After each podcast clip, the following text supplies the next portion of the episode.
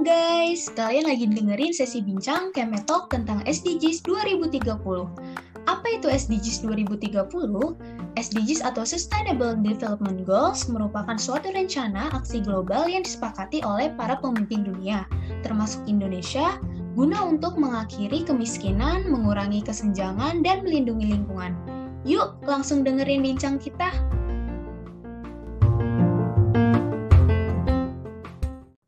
Halo semuanya, selamat datang bagi pendengar baru maupun pendengar setia Cemetok. Ada pepatah yang berbunyi tak kenal maka tak sayang. Jadi sebelum kita ngobrol lebih jauh nih, kenalin, aku Saras Ayu dari angkatan 2021. Dan selama beberapa menit ke depan, aku bakal ditemenin sama Halo, aku Fatara dari angkatan 2021. Dan aku Lucy dari angkatan 2021. Halo, aku Mutiara dari Angkatan 2021. Halo, aku Oki dari Angkatan 2021. Jadi, di episode kali ini kita akan membahas sesuatu yang berhubungan sama si merah marun. Hah? Si merah marun? Apaan tuh? Emangnya kita mau bahas tentang apa sih hari ini? Kayaknya ini Lora, pasti maksudnya tuh merah marun yang nomor 4, quality education kan? Iya, bener banget Lucy. Jadi, si merah marun ini adalah SDG nomor 4. Jadi bagi kalian yang belum tahu SDG itu apa, SDG adalah singkatan dari Sustainable Development Goals atau harapan dunia yang memiliki misi di tahun 2030 semua orang dari berbagai usia dapat hidup dengan sejahtera. Jadi nggak butuh waktu lama lagi, mari kita mulai podcast pada hari ini. Tentunya pada semangat dong dengerinnya. Kita sudah hadirkan narasumber menarik yang akan mengutarakan opininya untuk membahas tentang mengapa pendidikan di Indonesia belum maju. Jadi, menurut kalian nih guys, pendidikan di Indonesia saat ini kayak gimana? Apakah setiap tahunnya beranjak ma maju? Sebenarnya pendidikan di Indonesia itu bisa dibilang masih tertinggal dari negara lain di dunia loh. Padahal kan pemerintah sudah menganggarkan dana sebesar 500 triliun. Iya, setuju banget. Apalagi di masa pandemi ini semua pembelajaran kan diganti serba online ya, yang membuat siswa di sekolah kebanyakan suka nyepelein belajar. Dari pemerintah pun sudah diberikan bantuan berupa kuota belajar yang dinilai akan memberikan keringanan bagi semua siswa loh. Dan harusnya pandemi ini bukan menjadi masalah besar untuk meningkatkan kualitas pendidikan di Indonesia. Nah, semenjak pandemi ini aku tuh juga kayak ngerasa kalau pendidikan kita bukan malah maju. Walaupun udah difasilitasi tuh sama pemerintah, malahan makin mundur.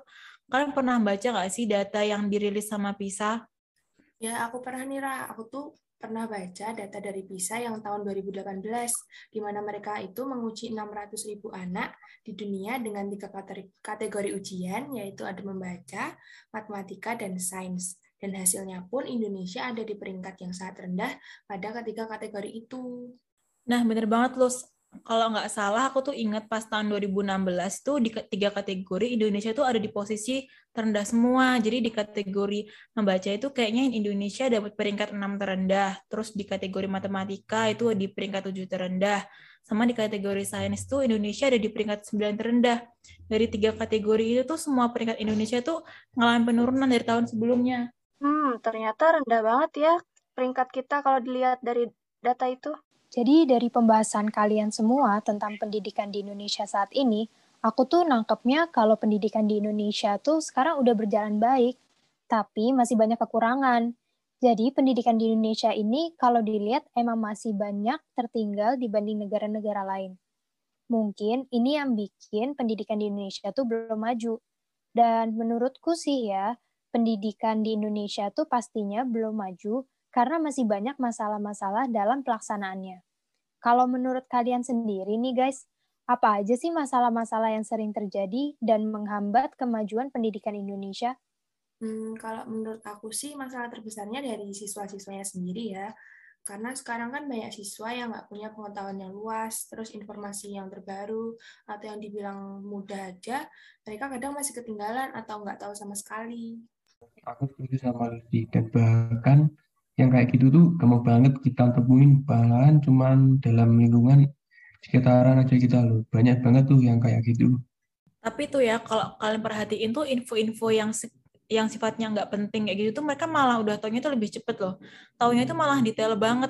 Tapi kalau yang eh, info-info sifatnya kayak pendidikan, terus yang sifatnya pengetahuan, itu mereka kayak kurang tertarik gitu buat cari tahu. Iya, banyak banget tuh yang kayak gitu. Apalagi anak milenial jam sekarang. Kalau untuk masalah pendidikan yang lain, itu pas pembelajaran di Indonesia, proses transfer ilmu dari guru ke siswa nggak berjalan dengan baik. Hah? Gimana-gimana? nggak berjalan dengan baik kayak gimana, Ra? Jadi, siswa itu sulit nangkep apa yang diajarin gurunya. Nah, benar. Kebanyakan tuh karena gurunya yang cara ngajarnya tuh salah. Kayak nggak enak gitu, terus juga ngebosenin. Jadi siswanya juga nggak bisa langsung cepet paham sama materinya. Nah, benar banget, Los. Aku juga sering banget ngerasain itu. Dan itu juga bisa jadi alasan kenapa pendidikan di Indonesia itu jalannya itu lambat banget sampai ketinggalan kayak sekarang gini. Iya sih, secara nggak sadar, ternyata semua masalah itu tuh emang udah sering kita alamin sendiri. Oke, dari sini kita udah tahu ya ada dua masalah.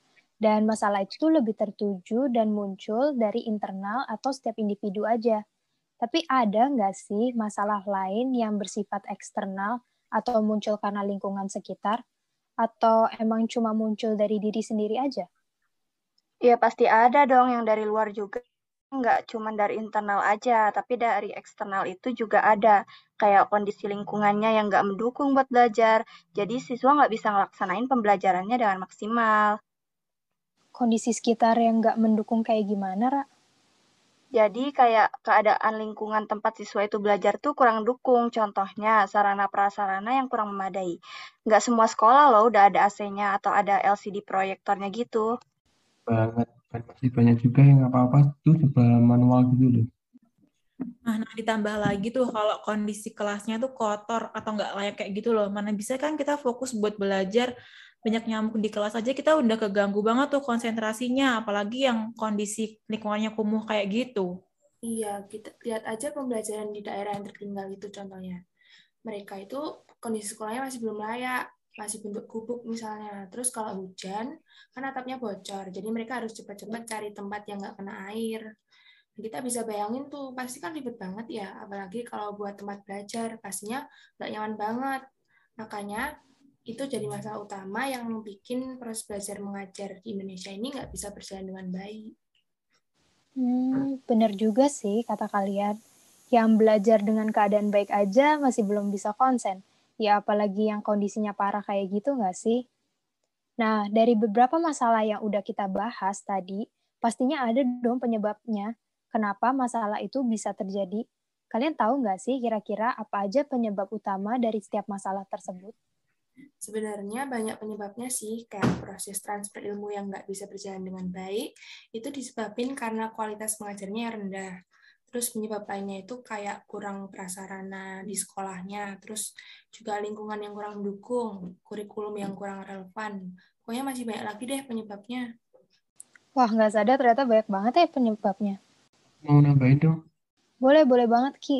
Nah, masalah mengenai para generasi muda sekarang yang nggak memiliki pengetahuan yang luas itu, itu bisa disebabkan karena rendahnya minat baca generasi muda di Indonesia itu juga mengaruhi rendahnya kualitas pendidikan loh. Tapi kenapa bisa kayak gitu ya? Karena dengan minat baca yang rendah, baik pelajar maupun pengajar tidak dapat mengetahui dan mengembangkan pengetahuannya. Dan pada akhirnya berimbas kepada kualitas pendidikan bangsa ini yang sangat tertinggal dari negara lain. Hmm, ternyata pengaruhnya besar banget ya. Dari tadi kita udah ngomongin dan dengerin tentang kondisi pendidikan Indonesia sekarang, masalah yang terjadi serta penyebab masalah tersebut. Tapi kira-kira kenapa ya masalah ini tuh masih tergolong sulit untuk teratasi? Kalau di sisi pendidikan di Indonesia bisa dibilang sulit teratasi karena keterbatasan jumlah guru yang terampil. Berdasarkan data persentase, guru yang memiliki kualifikasi layak mengajar di tingkat SD, SMP, maupun SMA pada tahun 2020 ada sekitar 90%. Namun, sayangnya perkembangannya nggak diimbangi sama persentase guru yang memenuhi syarat mengajar di tingkat SMA, dan malah mengalami penurunan dari sebelumnya sekitar 98% menjadi 90%. Nah, nggak cuma itu aja, masalah keterbatasan jumlah guru yang bersertifikasi itu nggak cuma sampai situ doang. Ada juga nih masalah tentang tenaga pendidik yang nggak merata, terus gaji guru yang rendah, ditambah lagi kurangnya perhatian dari pemerintah sama status guru, kayak guru honorer gitu. Terus masih banyak lagi masalah lainnya juga. Iya, benar juga sih. Kalau dari sisi tenaga pendidik aja udah bermasalah, gimana dengan lulusannya? Jadi bakal ada kesenjangan kualitas lulusan dari para peserta didik dong. Terus kira-kira ada nggak hal lain yang menjadi salah satu faktor penghambat? Ya ada dong. Salah satunya adalah kurikulum yang sering mengalami perubahan. Kita tahu bahwa perubahan ini merupakan salah satu cara agar mutu pendidikan di Indonesia itu lebih baik lagi. Tapi, kalau kurikulum berubah setiap kali Menteri Pendidikan diganti, siswa dan guru akan merasa bingung. Setiap perubahan baru dalam pelaksananya selalu membutuhkan pelatihan. Guru akan membuat ulang model perangkat pembelajaran dan pengembangan silabus, serta pengembangan yang lainnya. Nah, selain itu, kalau mutu pendidikan itu rendah, itu juga bakal menghambat penyediaan sumber daya manusia yang dia punya keahlian sama keterampilan buat memenuhi pembangunan bangsa kita di berbagai bidang untuk masa yang akan datang nanti. Dari tadi kita ngomongin permasalahan mulu nggak sih? Dari kalian ada nggak saran solusi? Ada dong, pasti. Kebetulan aku ada nih beberapa saran untuk ningkatin mutu pendidikan di negara kita. Wih, mantap. Apa aja tuh? Nih, kita tuh harus meningkatkan peran semua pihak yang terlibat, seperti orang tua, guru, dan juga pemerintah. Seperti yang kita ketahui kan orang tua juga guru pertama untuk anak ya. Jadi orang tua di Indonesia tuh perlu tahu cara mengedukasi dan menanamkan kepada anak pola pikir yang baik. Terus kalau guru, pastinya mereka tuh perlu kualitas yang bagus dan mampu memberikan inovasi yang baru dalam pembelajaran biar nggak monoton dan murid-murid bisa jadi lebih semangat. Sedangkan untuk peran pemerintahnya, mereka itu bertugas untuk menyosialisasikan pentingnya pendidikan dan juga menyetarakan fasilitas sekolah antara di kota besar maupun di daerah-daerah yang, yang terpencil. Tapi kan kalau kayak gitu pasti butuh waktu lama dan bisa nggak ya efektif? Kita semua pasti tahu dong kalau mengubah pola pikir masyarakat dan memperbaiki tenaga pendidik serta fasilitas yang ada emang nggak mudah, dan pastinya perlu proses yang lama, bahkan bisa bertahun-tahun loh. Karena Indonesia ini kan luas banget ya, dan penduduknya juga banyak. Tapi aku yakin kok kalau semua pihak tadi saling mendukung, pasti Indonesia bisa jadi lebih baik. BTW guys, kalian yakin peran pemerintah itu doang? Pemerintah kan sebenarnya juga perlu lebih banyak memberi latihan kepada tenaga pendidik ya, agar lebih baik kualitasnya. Enggak cuma itu, kualitas ilmu yang juga meningkat serta diimbangi dengan mulanya. Selain itu, beasiswa untuk siswa berprestasi yang kurang mampu juga harus ditambah lagi. Banyak ya, tapi kayaknya semua itu nggak bakal terwujud kalau nggak ada kesadaran dari diri siswanya sendiri nggak sih? Terus solusinya gimana nih? Nah, itu dia makanya teman-teman, kita tuh jadi pelajar tuh juga perlu sadar tuh sama kewajiban kita, jangan cuma ngambil orang lain terus. Kita kan juga tahu kan kalau belajar itu nggak cuma di sekolah doang, kita juga bisa tuh fokus ngembangin diri pakai cara mempelajari hal-hal yang baru yang kita tuh nggak dapat itu semua di sekolah. Misalnya nih kayak belajar saham, terus belajar bisnis. Sekarang kan zamannya juga udah semakin maju tuh. Jadi mau nggak mau kita tuh juga harus bisa bersaing gitu dan kita juga harus punya keunggulan dari diri kita yang kita bisa tunjukin itu ke dunia luar. Ya, betul banget Pak Tara. Jadi sebagai warga Indonesia sekaligus pelajar, kita harus turut ambil bagian dalam memajukan kualitas pendidikan ini. Wah, aku sih setuju banget sama kalian semua. Dengan semua permasalahan pendidikan di Indonesia, mulai dari penyebab dan kendala serta solusi yang udah disebutin tadi, kita tuh harusnya udah paham tugas kita sebagai pelajar yang nggak bisa selalu bergantung kepada guru di sekolah. Ada kalanya kita juga harus fokus ngembangin bakat kita sendiri, entah itu akademik atau non-akademik. Yang penting, kita tuh harus selalu semangat untuk memajukan kualitas pendidikan di negara kita, biar nggak kalah sama negara-negara lain. Nah, teman-teman, nggak kerasa nih, ternyata kita udah di penghujung podcast. Pastinya banyak banget info-info yang kita dapat dari topik tadi. Semoga itu semua bisa bermanfaat untuk kita semua ya. Jadi, sekian dulu perbincangan kami kali ini.